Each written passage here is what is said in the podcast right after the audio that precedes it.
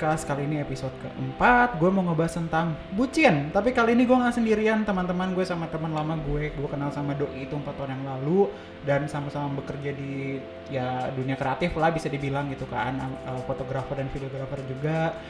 Namanya Om Dodo. Halo. Uh, ada Om Dodo di sini kawan-kawan. Jadi ya kita kenal gara-gara YouTube sebenarnya itu Iya, tahun sama-sama. 2014. Jadi teman gue itu youtuber. Terus dia ngajak gue nongkrong Akhirnya kita nongkrong bareng. dan nongkrong bareng dan sam- berlanjut sampai sekarang gitu kan. Iya. Dan ini udah setahun gue nggak ketemu sama Doi dan sekarang gue ketemu sama Doi dan kita punya project bareng yang rekam podcast ini untuk Bikin podcast kolaborasi, untuk kolaborasi gitu kan. Apa kabar Do? Udah lama nggak Baik, baik, baik. Ya Nah. masih gemuk aja gue. Iya Nggak kelihatan sih. ya? Tapi yang penting punya pacar kan. Alhamdulillah. Nah, itu akhirnya. itu itu, itu akan nyerempet-nyerempet dikit materi kita hari ini tentang Wih, tentang seru, seru, tentang seru. pacar tentang bucin. Bucin apa itu? Lo pernah dengar bucin sebelumnya? Eh, jujur gue baru denger eh, baru-baru ini sih. Budak cinta. Iya, udah cinta.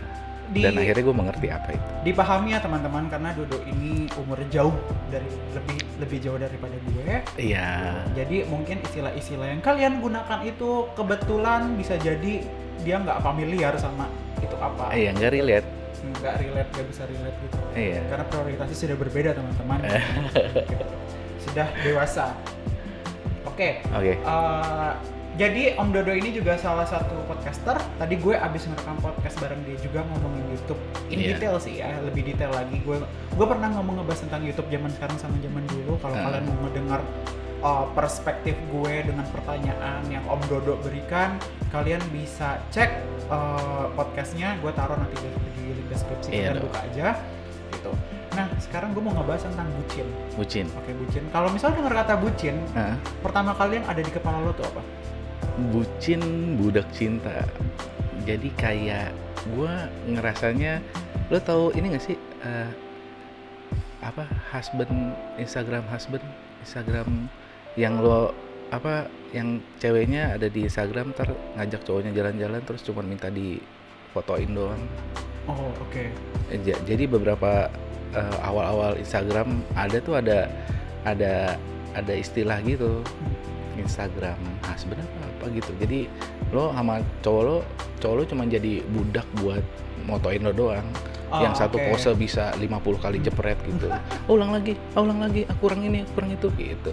Dalam bayangan gue bucin itu sih cuman ternyata bukan Bukan. Jadi pada dasarnya gini adalah kayak bucin itu kenapa kita sebutnya budak cinta. Hmm. Uh, soalnya kenapa kayak orang-orang tuh suka menurut gue jadi nggak rasional ketika lo berhubungan tentang cinta tersebut gitu. Iya. Kayak tentang pacar lo kayak gini misalnya lo tahu nih doi bikin salah atau kayak Iya. gimana cuma kayaknya lo tidak bisa menerima dia salah kayak gitu karena itu tadi ke ketutupan sama tanda kutip sayang atau cinta gitu cinta kan. buta Nah makanya gue sebut, makanya mungkin generasi sekarang itu nyebutnya ah bucin nih orang segala macam gitu, Iya, iya. Karena udah tahu misalnya orangnya salah. Mungkin gue bisa ngasih contoh nih ya apa yang Ah. terjadi sama gue akhir-akhir ini gitu Oke. kan.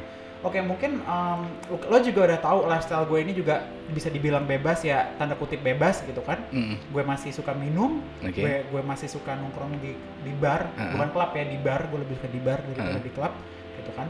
Jadi ini akhir ini baru-baru ini sih terjadi sama gue gitu. iya Jadi gue punya adik kelas, dia ngajakin gue untuk ke bar saat itu kan, nongkrong nongkrong, untuk Hmm. nongkrong gitu. Dan itu sudah direncanakan sebenarnya dari jauh-jauh hari lama. ya Oke. nggak? Jadi kalaupun kita pindah tempat, udah pasti itu ke bar, oh betul? Ya iya karena udah direncanakan kita mau ke bar, iya iya ya enggak? Dan dan dia dia ngajak yang lain gitu kan, Mm-mm. ngumpul dan kita sepakat, oke kita semua mau ke bar saat itu. Iya, gitu. satu tongkrongan lo nih. Dia setahun lebih muda dari gue nih, kurang cewek ini, dan Oke. dia dan dia udah tunangan. Oh, dia tunangan. Dan pikiran gue adalah sebenarnya cepat juga lo tunangan gitu kan. Emang men- mentalitas tuh sekuat apa gitu lo. buru-buru banget sih Nah iya gitu, gitu kan tunangan apa kayak gimana? Gue nggak tahu ya dasarnya apa. Apa mungkin karena materi atau gimana ya itu urusannya dia lah. Hmm, Tapi pada akhirnya adalah akhirnya kita memutuskan untuk pergi ke bar. oke Ya nggak pergi ke bar. Kita ke bar kan malam-malam ya pasti nggak mungkin jam 7 Eh, malam. iya dong belum buka Lo ke bar atau gimana kan? Iya nggak sih? nggak seru banget nggak seru banget dan bar tujuan kita pertama eh, bukan tutup sih kita rame akhirnya kita pindah oke pindah tempat gitu kan. Bu- berarti bukan yang biasa lo ke sana Ah, bukan biasa yang awal kita tentukan gitu tapi Ah. kita pindah tempat gitu kan Ah.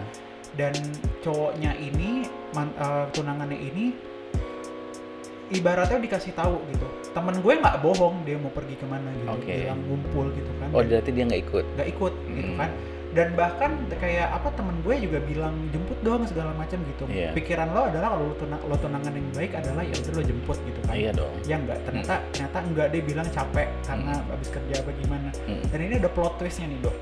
Oke. Oke kan? Dan akhirnya dia ngasih tahu dia lagi di suatu tempat bareng kita tun- uh, kunjungin gitu kan. Nah, terus dia marah-marah. Kenapa kayak karena beranggapan oh lo kerudungan lo ngapain? Lo di lo, lo Oh. masuk bar segala macam kayaknya gue nggak ngerti nih ya, ya si pikiran itu apa gitu. Masuklah kita ke bar ini gitu kan. Dan Hmm. kita ke bar kan ya seneng seneng ya nggak mau ada urusan gitu segala macam nah teman gue yang satu ini gelisah gitu karena Ah. tunangannya tuh marah kan. Marah dan lo dan lo tahu apa sampai dimintain apa kayak password iPhone lo bukan apa sih biar supaya lo bisa dilacak lo lagi di mana gitu. Iya iya tahu sampai tahu. segitunya terus temen gue kayak dikata-katain gitu kan. Heeh. dan terus ternyata tunangan itu ada di situ dong. Eh, nyusulin? Kita nggak tahu dia nyusul apa enggak tapi asumsi gue adalah dia ada di situ selama ini padahal dia bilang di rumah. Tuh ntar dulu itu itu kayak gitu kan terus lo lo lo terakhirnya berarti ketemu di sana ketemu. Cuma gue nggak ngeh itu tunangannya gitu. Karena mata gue Oke. burem malam-malam. Gue ngeliat ke Iya. atas ada yang ngeliatin ke bawah nih gitu kan. Tapi kok tapi gue nggak ngeh ya. Pikir gue cuma orang ngeliat-liat doang kan gitu Iya, kan. dan dua temen gue ada yang naik ke atas pengen ngeliat ada apaan. Ternyata ngeliat itu cowok itu tunangan. Sendiri. Nggak mungkin dong. Nggak mungkin kan? Ngapain? Ya Oke. nggak? dan nggak mungkin secepat itu tiba-tiba dia nongol ada di situ ya nggak? Padahal Iya. dari awal Tring. dia bilang di rumah. Iya. Ya nggak? Itu Iya. satu. Berarti kan dibohongin sebenarnya ya nggak sih? Kemungkinannya nah iya dong. oke gitu. Terus dan eh, dan yang terjadi itu saat itu adalah kayak dia ngomel-ngomel lah pokoknya di di WhatsApp sama temen gue itu gitu kan. Si cowok ini cowoknya. ngomel-ngomel ke si cewek. Hmm, coy. sekarang gini menurut gua kalau lo seorang yang gentleman harusnya lo nyamperin kita semua ada di bawah. Salaman sama temen-temennya. Iya dong. Ketemu. Iya nggak? Ini nggak? Nyamperin kami pun enggak iya. Kenapa tuh jadi pertanyaan kan? Ya pasti ada sesuatu ada dong. sesuatu ya Iya, enggak nyimpan sesuatu. Si cek nah si teman gue ini karena udah saking takutnya Heeh. kayaknya tuh nggak bisa menilai bahwa doi juga bohong sama sama, sama temen gue ini ngerti sih?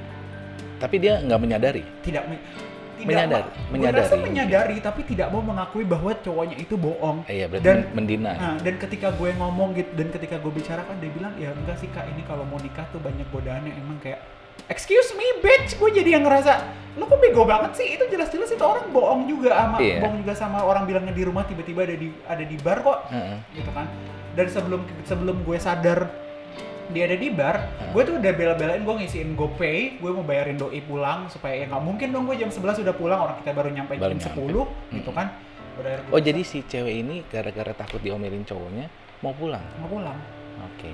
Terus udah kan akhirnya akhirnya gue minta teman gue temenin eh, teman gue yang satu lagi gue minta temenin dia untuk sampai gokarnya atau grab car sampai di Hah. tempat tujuan gitu kan. Oh berarti si cewek ini nggak ketemu cowok ini? Ngelihat gue rasa doi sadar cuma takut untuk ngomong apa-apa. Oh. Terus udah kan Heeh. ada keluar temen gue di ini temen gue di apa di kayak ditepok gitu. Dan asumsi temen gue adalah dia juga habis minum ah, iyalah kan pasti lah terus juga terus terus juga dibil terus akhirnya si teman gue ini pulang sama cowoknya pada akhirnya gitu. Cuma itu, itu kayak salah satu contoh ketika lo tidak bisa berpe- berpikir jernih karena lo ngerasa ya lo sayang sama orang ini lo ngerasa punya sesuatu hal yang spesial sama doi orang ini gitu. Mhm. jadi lo tidak berpikir rasional padahal jelas-jelas itu udah jelas kelihatan banget bahwa itu cowoknya bohong. Iya sih. Dan itu udah pasti ngumpetin sesuatu. Banyak sih kayak gitu. Karena doi kaget banget ketika kok doi kaget banget adalah uh, kita tuh ada di bar tersebut gitu. Ada di bar ada kita ada di bar tersebut. Pipi tiba-tiba dipindah. Orang yang rasional mungkin lo bisa menilai bahwa lo tuh dibohongin cuy. Itu, Iya. itu udah nyata banget. Pertama doi bilang di rumah tiba-tiba beda di situ. Heeh. Iya nggak sih? Iya. dan dan ya udah teman gue tuh karena bucin ya gitu di kita sebut bucin karena dia ngerasa dia nggak bisa apa-apa. Apa, apa mungkin gara-gara udah tunangan kali? Ya tetap aja kan bukan bukan berarti doi nggak bisa bilang itu cowoknya berbohong sama dia kan? Iya sih. Nah, itu contoh-contoh orang-orang yang kita anggap bucin seperti itu gitu, bucin iya yang nggak bisa berpikir rasional gitu. Nah, yang mau gue tanya sama lo nih, mungkin karena sudut pandang lo, karena gue bisa bilang mungkin lo lebih dewasa dari gue gitu kan, enggak juga sih ya bisa jadi kan, tahu. iya kan. secara Oh, umur ya Secara umur, nah gitu kan. Lo ngelihat fenomena-fenomena seperti ini tuh biasanya orang-orang yang tidak berpikir rasional gara-gara pasangannya tuh gara-gara apa sih? Eh, banyak sih Hmm. Eh, mostly perempuan Hmm. Karena perempuan merasa eh, insecure mungkin Hmm. gitu yang kasus yang pernah gua lihat itu eh, ada seorang cewek eh, mantan gebetan gue Hmm. itu akhirnya eh, mau menikah dengan seorang Hmm. dan ketika dia deket sama orang itu itu bener-bener beda banget Hmm. bener-bener nggak seperti dia yang gue kenal yang gue biasa nongkrong atau main sama dia gitu orangnya yang cheerful atau apa itu bener-bener takut gitu bener-bener nggak tahu takut kehilangan nggak tahu apa Hmm. mungkin sih kalau kata gue takut kehilangan Hmm.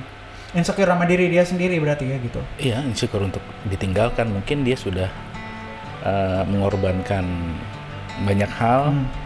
dari diri dia gitu untuk mendapatkan si cowok ini atau iya dia nggak mau sakit hati Menurut gue itu yang disebut bucin. Iya. Yang sehingga lo melepaskan logika lo kan, Hmm. rasional lo udah hilang kan gara-gara itu. Kalau orang tua bilang tuh zaman dulu tuh tai kucing rasa coklat. Hmm.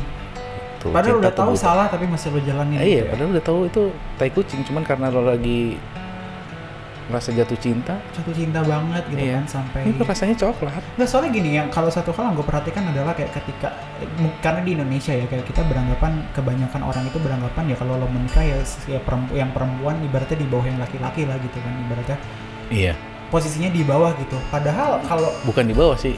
Eh, jadi perempuan harus mengabdi hmm, sama suaminya. Hmm. Istri mengabdi sama suaminya. Jadi- Banyak gitu. mungkin kalau yang kasus teman gue ini karena merasa seperti itu kali kan ya seperti Kalau kata gue, mungkin dia memikirkan status pertunangan, pertunangannya, Hmm. gitu. Dia nggak mau gara-gara hal ini dia eh, nggak jadi tunangan gitu. Mm, mm, mm. Dan untungnya saat itu tuh tunangannya ketemunya sama temen gue bukan sama gue. Kalau sama gue itu gue ngomel-ngomel pasti udah pasti berantem itu nggak mungkin. Karena gitu kayak Iya, iya, iya. kayak ngerasa lu tuh goblok banget cuy. Itu jelas-jelas lu tuh dibohongin gitu. Harusnya yang yang mana temen gue bisa marah. Lu ngapain di sini katanya lu di rumah. Berarti kan ada yang disembunyiin sesuatu gitu. Tapi Iya. kayak temen gue ngerasa ya udahlah lupakan saja gitu. Eh, tapi menurut gue ya, Hmm. eh, banyak perempuan yang kayak gitu. Hmm. Contohnya artis. Hmm. Ada artis terkenal cowok, terus eh, deket sama janda, Hmm. terus eh, eh, si istrinya padahal tahu Hmm. gitu. Cuman dia istrinya kayak nggak mau nggak mau peduli, nggak mau tahu gitu, karena takut anaknya tahu atau takut pernikahannya terganggu gitu. Padahal semua orang udah ngomongin itu. Gitu. Hmm. Denial ya. Iya, bukan denial. Jadi kalau menurut gue sih kayak mencoba untuk pura-pura nggak tahu gitu. Padahal padahal dia tahu, padahal gue tahu dia mungkin nangis gitu. atau Padahal apa. secara batin tuh ini loh, secara batin kan kayak orang tersiksa banget karena gue inget banget teman gue tunangan ini karena gue gue inget doi tuh ngerasa stres gitu karena sering banget ngajakin pergi gitu kan. Iya, karena dia pasti. merasa jenuh sama akan suasana seperti itu gitu. mungkin karena dia merasa karena menghadapi pernikahan gitu. Hmm. Dia ngurusin ini, ngurusin itu, mungkin cowoknya nggak ikut ngurusin, kayak gitu sih. Hmm. Dan ini sebenarnya nggak terjadi sama orang-orang yang tunangan aja ya gitu kan. Oke lah, gue gue mempunyai mindset mindset kalau lo menikah, oke lah mungkin ada struktur strata seperti itu gitu. Walaupun gue, Iya. gue walaupun gue pribadi gue nggak percaya kalau untuk struktur strata gue lebih tinggi daripada orang tersebut gitu kan. Eh, padahal kan kalau gue nggak tahu ya di bayangan gue adalah ketika lo menikah sama seorang itu ya tugas lo itu benar-benar dikerjain untuk berdua gitu. Lo bertanggung jawab untuk membangun keluarga tersebut. Setidaknya itu yang gue pikirkan. Tapi ternyata nggak ya hal-hal seperti itu nggak kejadian sama orang-orang yang menikah doang. Justru sama orang-orang yang pacaran pun juga kayak gitu. Lo punya ini nggak? Lo punya pengalaman tentang lo menjadi seorang bucin nggak? Yang kayak ibaratnya lo tahu ini tuh ini tuh nggak bagus gitu. Tapi tetap lo laksanain Bucin pernah sih gue paling cuman nggak nyampe jadian sih gue paling gebetan terus gue tahu gue di posisi cuman ban serep doang gitu Hmm. yang dia ke gue ketika dia ada masalah Hmm. ketika dia senang-senang dia balik ke mantannya Hmm. Iya, abis itu gue udah tahu itu gue udahan, Hmm. gue nggak mau tahu ke dia lagi Hmm. gitu karena mungkin gue cowok ya lebih rasional gitu, Hmm. gue nggak nggak memutuskan segala hal dengan perasaan gitu. Hmm. Kenapa kebanyakan bucin tuh cewek Hmm. yang gampang dibego-begoin cowok gitu? Hmm. Ya karena kebanyakan mereka ngambil keputusan dengan perasaan kan. Tapi teman gue yang cowok juga ada yang bucin coy. Karena dalam arti gini, ini cu- mungkin mungkin kebanyakan kita sering dengar kasus bucin mungkin dari perempuan ya kalau misalnya. Iya kebanyakan ya. Nah, teman-teman gue yang cowok juga ada yang bucin Ada, gitu. ada. Mungkin lebih lebih ngerasa nggak pede sama diri sendiri sih sebenarnya. Gitu. Kayak Hmm. da- dalam arti dalam arti kalau misalnya gue menyelesaikan hubungan ini tuh yang yang mau sama gue tuh jarang. Jadi gue nggak mau menyanyiakan hal ini. Tapi Ah, iya, tapi bisa, di sisi lain nah, tapi di sisi lain doi udah tahu hubungannya mereka berdua tuh udah nggak sehat. nggak sehat gitu. Ya menurut lo ini nggak sih kalau kita kayak kita berpasangan sama orang gitu kita punya hubungan sama orang gitu. Eh, Hmm. menurut lo kalau misalnya kita udah merasa udah nggak sehat sama lo lebih baik di disudahkan Hmm. atau kita coba perjuangkan untuk jalan terus tergantung. Hmm. yang lo cari apa. Hmm. kalau gue misalnya eh, lo eh, balikin lagi pertanyaannya ke diri yang ngerasain gitu. Hmm. yang lo cari apa? Yang lo cari kan kebahagiaan sih Hmm. kalau misalnya lo bisa bahagia dengan kondisi kayak gitu kenapa enggak? No oke. Gitu. Maksudnya eh, ada beberapa orang yang mencoba tutup mata gitu. Misalnya ketahuan nih lakinya atau pacarnya selingkuh Hmm. gitu. Tapi ya dimaafin lagi terus dia selingkuh lagi berapa kali dimaafin lagi Hmm. itu menurut gue sih juga udah bucin gitu cuman karena mungkin dia mendapati kebahagiaan dari si cowok ini yang bisa nenangin dia nggak ada orang lain Hmm.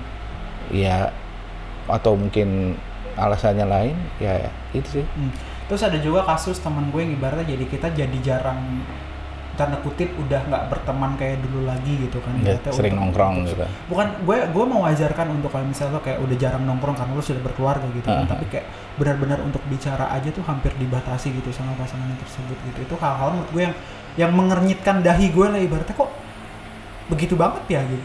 oh, iya sih eh, tergantung sih Hmm. harusnya sih setiap pasangan sih meng- mengenalkan eh, nggak cuman keluarganya Hmm. terhadap pasangannya teman-temannya gitu Gue rasa asumsinya sebenarnya pacarnya cemburu sama gue sih kayaknya ya.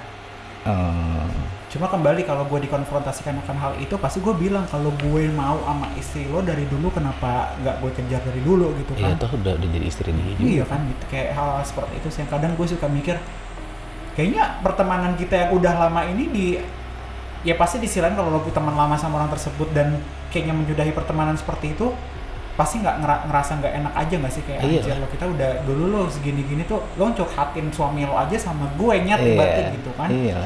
Ya itu salah kayak gitu sih. Nah biasanya kalau menurut lo nih eh, tindakan-tindakan apa sih yang bisa kita lakukan gitu untuk menghindari? Jadi itu kayaknya cinta itu tuh nggak nutupin pandangan kita semua gitu. Hmm, kalau menurut gue sih cari orang yang tepat sih. Hmm. cari orang yang tepat sih. Jadi ya tergantung lo gimana nyarinya gitu. Kebanyakan ya cewek-cewek zaman sekarang kan nyarinya yang bad boys kan. Ah menurut gue ya itu itu juga goblok sih. Buat jadi pacar. Se- tapi tidak buat jadi suami. Masalahnya gini gue pernah diputusin dengan alasan katanya gue terlalu baik. Sumpah. Terus gue mikir lo maunya gue kayak gimana? Jahat gitu nyelingkuhin lo kan? Ya itu itu ada beberapa perempuan yang merasa uh, pride gitu Hmm. dengan memacari cowok-cowok bad boys gitu. Karena gue rasa ini kali ya kayak mereka tuh ngerasa oh gue bisa ngubah bad boy ini jadi baik.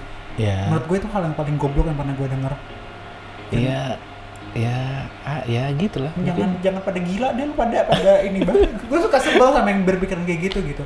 Kayak temen emang sih kayak untuk hubungan itu kan ya emang itu ke- lu sendiri yang merasakan gitu Ah, ya waktu itu gue pernah gue inget gue punya teman gitu Mhm. Uh, dia dia uh, gue tuh udah wanti-wanti ini anaknya tuh gini gini gini gitu kan Hmm. doi masih nggak mau denger nggak mau denger apa yang gue bilang gitu kan. Oh jadi Atau- temen lo temen lo mau mau jadian nih? Mm, mau jadian gitu kan. Hmm. dan yang ngomong tentang hal ini tuh bukan cuma gue doang gitu tapi Iya. semua orang yang kenal Deket sama dia juga ngomong kayak gitu ke bahwa orang ini kayaknya nggak bener buat lo gitu. Hmm. tapi tetap aja dia jalan karena dia ngerasa oke dia bandel bisa jadi gue nggak bisa ngerubah dia jadi lebih baik. Dan lo tahu apa yang terjadi?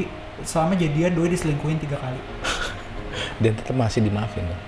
sekali dua kali ya di kayak berarti bucin juga dong Iya kan, kayak lo yang mau lo cari tuh apa sih? Maksudnya kayak selama hubungan kalau lo ngerasa menderita dan lo nggak ngerasa seneng, Iya, ngapain lo lakuin gitu? Iya. Ya kan? ya makanya balik lagi sih yang lo cari apa Hmm. gitu Mm-mm. mungkin kebahagiaan dia ya lo ngedapetin cowok yang kayak gitu Nah, terus ada eh, pernah ada permasalahan ada permasalahan lagi sebenarnya di gue nggak tak gue nggak ngerti ini bisa kita sebut sebagai kategori bucin apa enggak? Gue rasa sih lebih ngerasa rasa takut ya. Eh, jadi eh te- lingkungan teman-teman gue ini adalah lingkungan orang-orang yang bebas bahkan bebas tuh dalam berhubungan segala Oke. macam gitu-gitu mungkin hal yang sebenarnya dilarang sama masyarakat sekarang gitu Oke. tetap dilakuin ngerti ya maksud gue ngomongin ngomonginnya arahnya ke mana Oke. oke gitu kan terus yang lucu adalah Heeh. ketika ketika mereka berhubungan Heeh. mereka berhubungan itu berdasarkan mau sama bang, mau dan mau Iya dong. Oke. bahkan yang ngajak itu sebenarnya bukan laki-lakinya teman gue yang laki-laki kan Iya. perempuannya yang mau Heeh. gitu kan yang mereka Oke. melakukan Heeh. dan itu sering terjadi dilakukan gitu Oke. tapi ketika berantem ketika kayak hubungannya udah nggak sehat Hmm. hal tersebut tuh udah dijadikan senjata buat perempuan tersebut kayak nyangka eh lu udah pakai gue nyet segala macam gitu-gitu sebagai senjatanya mereka gitu Iya. mood gue ini nggak logis pada akhirnya ketika lo melakukan hubungan sesuatu itu kan atas dasar mau sama mau Iya. iya nggak sih jadi dijadikan senjata loh sama orang-orang Ya mungkin Sama- karena dia udah memberikan segalanya buat si cowok itu. tapi gue ya bego aja orang lo juga yang ngajak awalnya yang terjadi sih at least yang eh, yang terjadi sama temen gue sih kayak gitu gitu dia udah iya. udah ngerasa mau sama mau gitu kan terus akhirnya kayak temen gue ngerasa lu udah pakai gue anjir udah segala macam gini-gini Iya. Kalau yang cerita yang pernah gue denger malah lebih menyakitkan lagi sih. Hmm. Kayak dia eh, dia udah eh, cowok sama cewek ini Hmm. udah tinggal satu apartemen bareng. Hmm, Terus eh, selama koas gitu, selama kuliah, begitu udah mau deket lulus, si cowok nih Hmm. eh, keluar eh, keluar pulau Hmm. buat apa namanya eh, nyelesain apalah koasnya itulah Hmm. pokoknya. Terus balik lagi ternyata dia udah eh, kepincut sama cowok sama cewek cewek daerah situ. Hmm, dan mereka akhirnya nggak jadi. hmm. Padahal udah yang gue tau ya udah pre-wedding. Aduh. Pre-wedding itu 150 juta. Oh my god. Gitu karena kan eh, pakai bajunya terus eh, di di Singapura hmm. albumnya segala macem kayak gitu. Oh. Dan abis itu nggak jadi udah. Padahal gue tahu itu eh, si cowok gue yakin kena guna-guna. Hmm, hmm, hmm. gitu. Hmm. dan tapi si cewek tutup mata nggak mau tahu. Ya udah selesai. Hmm, oke. Ya pada akhirnya ini nggak sih menurut gue eh, lu berhubungan tetap harus memakai rasa rasional lo nggak sih? Maksud gue kalau lo kalau misalnya lo tidak bisa berpikir rasional pada akhirnya lo tersiksa sendiri gitu sama apa yang terjadi. Ya ya balik lagi yang Hmm. harus lo cari kebahagiaan lo gitu. Hmm. ya harus ya harus tetap harus rasional. Hmm. yang pada akhirnya juga kan lo yang ngerasain kalau lo tersiksa gitu lo makin stres juga gitu kan? Eh iya. Jadi gitu ya teman-teman nih para pendengar sekalian gitu lo semua yang sedang berhubungan Jangan lo sampai- pacar. Jangan sampai apa rasa cinta lo tuh menutupi iya. rasionalitas lo gitu. Kalau- diperbudak oleh cinta. Saya temen gue ada yang maksudnya kayak dulu tuh maksudnya sehat lah bahagia maksudnya sih jadian sama orang ini gitu kan. Lama-lama tuh jadi kurus jadi stres jadi sedih gitu kan. Iya. yang mana itu kayak ngerasa itu tuh udah nggak sehat ngapain lagi lo lanjutkan gitu. Mau dicari apa sih gitu lo bahagia? Enggak makin kurus iya stres iya gitu. Kebanyakan mantan-mantan gue sih habis dia sama gue pada gemuk-gemuk ya. oh gitu? Iya. Berarti stres kali waktu sama lo nggak bahagia? Enggak maksud gue waktu sama gue tuh selesai maksudnya ya gemuk-gemuk gitu nggak nggak ada yang nggak ada yang sampai kurus Hmm. gue nggak bisa gue nggak bisa relate sih kayak untuk orang-orang yang putus sampai berantem hebat gitu senang temenan lagi karena karena gue pribadi salah satu orang yang kalau hubungan nih misalnya putus itu tuh Hmm. atas keputusan bersama gitu loh tapi lo baik-baik baik-baik aja sampai sekarang oke masih ngomong aku kamu Masih sampai sekarang kontekan, masih kan? kontekan Oke. bahkan eh, bahkan mantan gue ini kayak sam- sama gue dia bisa dia bisa bilang ke gue kalau misalnya gue itu satu-satunya orang yang benar-benar dia terbuka 100% hmm. gitu kan. Iya. Jadi kayak ibaratnya kita tuh berada di hubung kami tuh berada di hubungan yang ngerasa eh, ya udahlah kita balikan buat apa sih gitu. Iya. Toh yang mau kita yang yang mau dicari kita sama-sama dapat kalau lagi kosong sama-sama ada misi Heeh. atau kayak gimana gitu. Bahkan pernah berantem sama pacarnya saat itu gitu kan karena ngerasa deket deket banget sama gue ngomongnya ke kamu. Gue rasa sih wajar ya setiap Iya, cowok ngerasa cemburu seperti itu gitu. Dan lo tahu apa yang dijawab sama mantan gue saat itu? Apa? lu diam aja deh yang lebih tahu gue tuh doi daripada lu sampai segitunya gitu. Hubungan gue sama yang sekarang ini sedekat itu. Tapi kami berdua kayak sepakat ngerasa kayaknya nggak perlu balikan deh untuk kita berhubungan segitu tapi seperti itu, kenapa gitu. kenapa lo sudahi? Apakah berbeda prinsip? Karena kayak kami ngerasa kayaknya dua kita berdua tuh sama-sama udah nggak berkembang gitu loh. Kayak ngerasa di situ-situ aja. Nggak ada hal yang baru nggak ada hal yang gimana dan saat itu mungkin Hmm. banyak kesibukan atau gimana kan terus Hmm. juga ya ngerasa kayaknya kita di jalan jalan di tempat aja ya gitu ketemu Oke. cuma ini yang dibahas Oke. kayak ini ya udah gitu dan dan dan yang dan yang lucu adalah kami berdua yang merasa seperti itu gitu nggak berat sebelah Iya iya. kan kadang ada orang yang ngerasa berat sebelah gitu Tapi kan. malah eh, baik-baik aja ya. baik-baik aja gitu loh jadi kayak bahkan sampai sekarang juga dekat gitu kayak Hmm. apa pun kalau dia mau cerita ibaratnya kayak gue ngomong sama doi gini gue ingat banget terakhir itu gue ngomong gue ngomong gini kalau kamu masih butuh apa-apa gitu ada Hmm. darurat apa ya tahu ya hubungannya ke mana gitu dan pada akhirnya juga kita nggak berhubungan lama juga nggak jadi masalah tapi pas ketemu ya jadi catching up gitu Apa iya eh, oke sih. Tapi nggak udah udah nggak nggak jadi friendzone juga kan? enggak Iya. enggak ngomong masih aku kamu Nah, iya, kalau kita punya pasangan masing-masing Biasanya kan- menceritakan ini masa cowok aku gini gini gini nih atau gue bilang cewek aku gini gini gini nih ke- kayak Iya. gitu gitu jadi kayak kayak punya perspektif gitu loh untuk perspektif satu sama lain gitu Mhm. tapi entah kenapa kami ngerasa pas kami jadian kok kita tidak menemukan perspektif perspektif seperti ini makanya yang gue bilang kita jadi nggak berkembang gitu Oke. mungkin ini kasus yang jarang sih ya ditemukan sama orang gitu tapi Jarang sih kalau menurut gue sih. tapi pada akhirnya ya gue seperti itu gitu sampai sekarang kayak gue dan dan Tapi lo udah udah udah mendapatkan pengganti dia gitu segala macam. saat gue mendapatkan pun juga kayak tetap aja kami masih komunikasi gitu Oh, oke. enaknya gitu sih dan dan apa ya kami tuh ngerasa di posisi yang oke lah kalau kita nggak harus balikan gitu tapi tidak menutup kemungkinan kalau kami menikah di kemudian hari atau gimana itu suatu hal yang tidak ditutup gitu Iya. tapi kami ngerasa berdua kayaknya kalau untuk pacaran gini-gini Berarti masalah gitu. saat ini belum. belum Iya. itu Iya. sih hal yang walaupun dulu gue pernah ngebucinin dia ya gue yang bucin saat itu gitu karena Oke. gue posisi orang yang ngerasa kalau gue pengen pacaran sama orang atau gue menjalin hubungan sama seseorang gitu gue harus punya maksud tersendiri untuk apa gue Tujuannya. tujuannya gitu Iya. kan kalau misalnya untuk nyari support doang tapi gue masih bisa mendapatkan support tersebut Dari dari, hal teman-teman. yang lain gitu Iya. nah gue nggak akan kepikiran untuk punya pacar eh Iya sih. Tapi maksud gue dari eh, buat umur umur lo yang segini nih, eh, kepikiran nggak sih buat nikah muda? enggak Kenapa? nggak tahu ya gue ngerasa nikah muda sekarang ngetren ngetren banget Iya, maksud lo eh, banyak yang dicari kan kayak misalnya lo nikah muda nanti eh, anak lo sama lo umurnya dekat, lo masih bisa main bareng Hmm. atau terus eh, masalah pendidikan anak lo juga lo masih bisa cover sampai dia umur berapa sampai lo punya anak ke berapa kayak gitu sih. Kalau boleh jujur kalau boleh jujur bahkan gue sempat kepikiran gue mau punya anak apa enggak ya? Atau bahkan gue mau nikah apa enggak ya? Salah satu Oke. teman kita mungkin udah pernah ada yang bilang bahwa dia tidak mau menikah ya dan menurut oke. gue hal yang wajar gitu. Gue Iya. gue di posisi yang di mana gue mau gue nggak mau bilang gue nggak akan pernah menikah gitu. Tapi tidak menjadikan hal tersebut prioritas gue gitu karena gue ngerasa Belum, belum. Belum. kenapa? Kenapa gue bilang belum gitu? Karena gue masih banyak mata hal yang pengen gue capai justru karena gue masih muda ada beberapa masih hal yang single, gua- masih muda, masih Ma- bisa. masih ada beberapa hal yang emang pengen gue kejar gitu Iya, iya. iya. yang pengen yang pengen gue kejar gitu dan karena gini loh di masyarakat kita itu kan kayak beranggapan oh lo kalau untuk umur sekian udah harus menikah nih orang-orang Iya. udah bakal nanya Iya, iya. gitu dan gue menurut gue itu itu nggak harus seperti itu gitu Iya kan tren zaman sekarang kan menikah muda di 24, 25, 26 tuh. Hmm. Iya kan? ya gue nggak gue gue tetap apa ya gue tetap menghormati pilihan orang-orang yang merasa Iya. untuk nikah muda gitu tapi ketika lo menikah muda ketika lo ngerasa lo belum puas sama apa yang lo eh, yang lo kerjakan selama hidup gitu Mm. kan gue ngerasa justru hal-hal seperti ini yang bisa bikin jadi lo cerai di kemudian hari gitu Karena Tapi lo- kenapa nggak lo ngejar sesuatu yang lo pingin uh, goals goals dalam hidup lo itu Hmm. berdua sama Ya, bi- gue ngerasa nggak bisa seperti itu. Kenapa pan berdua lebih asik Ya loh. ketika lo berkeluarga, lo udah, udah punya prioritas yang berbeda. Nah, makanya maksud gua uh, lo harus cari pilih pasangan yang satu misi satu jalan. Hmm.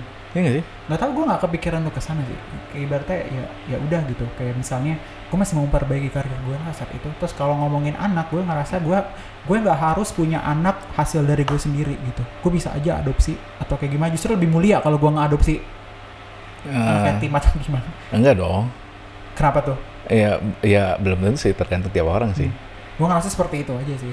Cuma kayak untuk menikah untuk apa gitu-gitu, gue ngerasa kayak ah enggak, ah, gue masih kepengen bukan kepengen senang-senang sih ya, karena untuk untuk orang-orang umur gue mungkin kepikiran untuk seneng pengen ngelakuin ini ngelakuin ini ngelakuin itu gitu tapi kalau yang gue ba- bayangkan adalah gue lebih benar-benar memikir memikirkan karir gue ke depan tuh mau gimana gitu Iya iya. gue masih kepengen S2 Iya, ibaratnya oke. gitu gue masih pengen keluar negeri kuliah di sana gitu kan Iya. itu hal-hal yang masih kepengen gue capai Iya, yang gue goals goals di hidup lo yang harus di Iya, dan gue ngerasa ketika gue punya pasangan atau Hmm. gue punya pacar atau Hmm. gue menikah nanti itu hal-hal yang nggak bisa yang gue ya nggak mungkin. nggak bukan nggak mungkin cuma gue ngerasa keganggu kayaknya gitu gue nggak Iya. bisa fokus akan satu hal itu gitu Iya untuk sih. untuk beberapa orang mungkin ngerasa udah oh kita bisa lah ngejalanin berdua gitu tapi kayak gue ngerasa kayak enggak enggak deh nggak buat gue gitu Oke. kecuali kalau lo udah ngerasa udah nih she's the one gitu jangan jadi masalah karena kalau memang lo sudah membicarakan hal tersebut gitu Hmm. Nah kalau menurut lo nih, lo menikah, lo ngerasa lo di pressure untuk menikah atau gimana? Gue merasa eh, di umur gue yang sekarang gue membutuhkan seorang pendamping sih. Gitu sih. Jadi gue eh, sudah mulai membutuhkan ada seorang di samping gue yang bisa eh, nyemangatin gue, bisa Hmm. ngawal gue, bisa ngingetin gue kayak gitu. Berarti udah menjadi suatu kebutuhan ya maksudnya. Gue sih gue sih lebih merasa itu sih. Gitu. gitu karena mungkin di umur gue yang 30 plus ini ya udah mulai banyak pikiran-pikiran yang justru gue sempat anxiety tentang masa depan kayak gitu-gitu Hmm. itu yang malah gue serem eh, gue ntar bisa punya pacar apa enggak, eh gue bisa nikah apa enggak gue bisa Hmm. punya anak apa enggak gue malah mikirnya kayak gitu Ya kalau gua nggak begitu sih bedanya. ya gitu karena kalau- ah. belum mungkin Belum. ya di umur lo yang sekarang mungkin ya gue juga waktu di umur lo sekarang juga masih ambisius masih masih pingin gitu Jadi gue nggak ngikutin tren sekarang gitu. Kayak, Iya. ya, kayak ibaratnya apa ya? Ya, aduh, kadang ada orang yang menikah yang menikah gitu ibaratnya ya lo belum punya apa-apa cuma cuma modal nekat keberanian doang gitu. Iya. Nah gue nggak mau yang kayak gitu-gitu gitu lah. Teman Iya. gue banyak yang gitu dengan apa atas nama cinta. Entah kalau kalau lu nggak apa kalau lu nggak bisa makan, ngidupin anak orang nah, belum kalau udah punya anak nah apalagi kayak ekspektasi orang tentang laki-laki itu kan kita harus ngebiayain itu segala Iya. macam kan. Padahal kalau di gue itu ya lu kerja sama berdua gitu kan. iya Apalagi kalau punya anak bikinnya kan berdua, mau cuma sendiri. iya sih Nah, kayak gitu udah jadi. walaupun kita cuma setor doang Nah iya gitu kan. Dan tapi yang bisa gue bilang adalah ketika makin lama harga makin naik ya kalau urusan kehidupan gitu ya nggak sih? Iya tapi nggak usah khawatir sih maksud gue gue masih gue masih yakin rezeki itu Hmm. eh, tiap orang tuh beda-beda. Dan nikah tuh membawa membuka pintu rezeki sih. Nah satu hal mungkin kalau gue menikah hal yang gue lakukan itu adalah tidak melarang istri gue untuk bekerja. iya itu tergantung kesepakatan. Nah karena kenapa kenapa kenapa gue mikir kayak gitu? Kadang kadang kalau kita itu kan suka berpikiran kayak ibaratnya oh apa apa dibayarin sama suami gitu segala macam. Istrinya ya udah Iya. di rumah doang gitu gitu. Lo pernah kebayang gak sih kalau ternyata lo mati duluan terus istri lo mau ngapain mau ngemis-ngemis? Iya cuman lo harus menerima konsekuensinya juga kayak misalnya lo pengennya istri lo kerja gitu tapi lo harus terima bahwa rumah lo nggak bisa setiap lo pulang selalu rapi Hmm. Iya, it- it- itu menurut gue kembali masalah kompromi sih. iya Pada akhirnya menurut gue kayak, gue nggak tahu ya, kayaknya gue ngerasa gue tua banget udah ngomongin hal kayak gini gitu. gue ngerasa mungkin orang berpikir tua banget sih lu ngomongin kayak gitu gitu, tapi pada akhirnya gue juga akan kepikiran akan hal itu gitu dan dan dan kalau gue belajar dari apa yang jadi kehidupan nyokap gue gitu ibaratnya gue ibaratnya gue Iya. sosok bapak itu kan hampir nggak ada ya ibaratnya kalau nyok gue nggak bayangin kalau nyokap gue nggak bekerja saat itu mungkin gue nggak bisa kuliah sampai sekarang nggak mungkin bisa selesai gitu itu Iya. hal-hal yang mengganggu gue gitu kayak masalah orang di perempuan dalam bekerja atau kayak gimana gitu kan Heeh. cuma pada akhirnya yang gue tekankan kalau gue memutuskan untuk menikah nanti gitu gue nggak mau ibaratnya ada hal yang kita kompromikan apa yang dikompromikan bareng-bareng gitu Iya, Gue- pasti. dan gue nggak mau kayak beranggapan oh enggak gue gue kepala keluarga lo harus nurut sama gue gitu nggak kayak gitu menurut gue pada akhirnya kalau lo berhubungan sama orang keputusan ya lo berdua ambil lo sama-sama ngenakin Iya. Ya itu sih maksud gua. Kalau lo emang lo harus kompromi, lo ya lo harus terima konsekuensinya gitu. Ya kalau misalnya lo mau istri lo jadi ibu rumah tangga, ya lo harus terima, lo harus membiayai sepenuhnya buat keluarga. Sih. Kompromi teman-teman yang benar gitu tapi bukan berarti kalau ada yang bikin kesalahan lo jangan nggak jangan nggak berani ngekritik ya apalagi lu mau berhubungan sama orang yang lo ibaratnya berjanji akan menghabiskan waktu Sisa hidup lo. sisa hidup lo sampai lo mati gitu kan Iya. nah itu justru karena itu perjanjian lo itu janji lo gitu Iya. makanya lo harusnya benar-benar rasional dan berpikir, berpikir untuk lo dan ke depan tuh gimana gitu Tapi jangan sedih, maksud gua nggak semua orang yang cowok bad boys itu nggak bisa jadi kepala keluarga gitu. Ada beberapa temen gue yang emang cowoknya tatoan serem segala macem kerjaannya serabutan cuman menurut gue dia contoh bapak yang baik Hmm. mungkin mungkin waktu menikah tidak bisa merubah dia mungkin waktu dia punya anak bisa merubah dia Hmm. gue juga nggak tahu sih tiap orang timelinenya berubah Hmm. beda-beda kan timeline tiap orang beda-beda ya dan kadang butuh waktu sih untuk orang sadar bahwa hubungan yang mereka tuh nggak sehat gitu Iya. memang udah lama. Iya benar. Ujian buat kalian gitu gitu. Tapi ya menurut uh, pada akhirnya yang gue harap adalah teman-teman yang punya pacar atau yang punya apa atau memutuskan untuk menikah Iya. lebih baik dipikirkan lagi masalah kompromi hidup kalian itu ke depan gimana. Jangan sampai ngorbanin kebahagiaan lo kebanyakan dan ujung-ujungnya lo sedih atau kayak gimana. Jadinya de- stres atau depresi. Yes itu udah right. itu udah nggak enak banget kayak gitu ya karena pada akhirnya kenapa teman gue yang gue ceritakan tadi yang masalah kita kebar Ah, doi ngajak kita pagi pun kenapa? Karena doi jenuh. Iya. Jenuh sama apa yang terjadi sama pasangannya gitu kan. Ya gitu pada akhirnya. Cuma kan lo nggak berani mengkonfrontasikan hal itu iya. ya terima-terima aja. Oke buat buat lo dok pesan-pesan apa nih? Sebenarnya mungkin nggak tepat juga sih pesan gitu. Kalau lo punya Iya. kesempatan untuk kasih pesan ke pendengar gue gitu. Pendengar lo? Hmm. oke kalau masalah bucin sih ya semua tergantung hati lo cari kebahagiaan lo di mana Hmm. dengan siapa choose the right one Hmm. gitu dan lo harus bersyukur kalau lo punya teman-teman kayak Cesar gitu yang bisa mengingatkan lo bisa bisa ngasih tauin dari sudut pandang yang berbeda karena nggak semua cewek punya itu Hmm. nggak semua orang yang ya mungkin lo uh, pendengar lo cewek-cewek yang punya teman gitu. Hmm. ada cewek-cewek mungkin yang benar-benar dia sendiri gitu. Dia nggak bisa curhat ke keluarga dia nggak bisa curhat ke teman-teman yang nggak punya pan- sudut pandang lain. Hmm. makanya dia jadi budak cinta. Hmm. menurut gue itu sih. Makanya lo juga harus punya planning. Kalau gue ini sih saran gue gue mungkin gue belum berada di fase tersebut. Oke kalau saran dari gue kalau saran dari gue adalah ya gue mungkin bukan belum berada di fase itu merupakan suatu hal kebutuhan buat gue gitu. Karena Hmm, apa yang gue cari pun sampai sekarang gue masih dapatkan gitu iya. Palingan ini sih menurut gue yang penting lo punya plan. Lo mau ngapain dan komunikasi paling penting masalah kompromi itu lo mau kompromi sampai mana. Iya komunikasi bukan berarti lo iya iya aja ya, Hmm, iya. Gitu. Apa yang mengganggu lo lo kasih tahu jangan diem diem aja Iya. gitu kan. Apalagi yang cewek-cewek bukan berarti yang laki-laki ini kepala keluarga terus lo tidak berhak untuk memberikan opini lo ya Iya. enggak justru kalau lo nggak suka akan sesuatu lo nyaut lo ngomong kalau begini sih gitu gitu Iya. dan satu lagi Hmm. kalau lo mengalami KDRT segera Lapor. laporkan Hmm, laporkan jangan takut hmm, iya dan jangan karena lo cinta sama doi itu lo tersiksa lo nggak ngelaporin ya ini ini banyak banyak kasus seperti ini masalah Iya. KDRT gitu Iya, itu bahaya banget. Hmm. Soalnya menurut gue sih cikal bakalnya KDR itu ya budak-budak cinta ini. Nah, itu teman-teman yang bisa gue bahas kali ini itu. Sebenarnya yang bucin masalah bucin ini, ini tuh gue bikin poll waktu itu di Instagram. Oh ya? Satu lagi tuh masalahnya agak lebih serius sebenarnya. Gue lupa, tapi lagi rame juga. Apakah gue lupa? Oh, satu lagi ngomongin seksi killer waktu itu gue bikin uh, Oke. bikin apa? Bikin podcast tentang oh enggak gue Polling polling gue bikin poll tentang mau ngomongin bucin atau atau seksi killer. hmm, Tapi ternyata cuma beda satu suara orang-orang lebih memilih gue untuk untuk membicarakan tentang bucin. oh, mungkin pendengar lo lebih banyak yang menderita karena cinta kali. bisa jadi gitu ya, karena atau mungkin mereka sedang sedang menjadi bucin jadi Bucin. jadi jadi kayak eh gue gue pengen gue lagi berada di posisi ini nih jadi gue mau gue mau ini aja Sebenarnya bucin salah satu orang yang beruntung. kenapa tuh Ada lagi di bawah dia yang lebih tidak beruntung. apa Friendzone. oh Waduh. Mungkin itu bisa dibahas di podcast berikutnya. nah kalau teman-teman berniat kalau teman-teman mau gue ngebahas masalah friendzone Iya. jadi bisa komentar atau kalian bagikan ini podcast gue ke mana-mana jadi gue Iya. tahu kalau kalian memang berminat untuk gue membahas tentang hal tersebut Iya. atau komen di Instagram gue atau media sosial media sosial platform gue yang, yang kalian bisa temukan.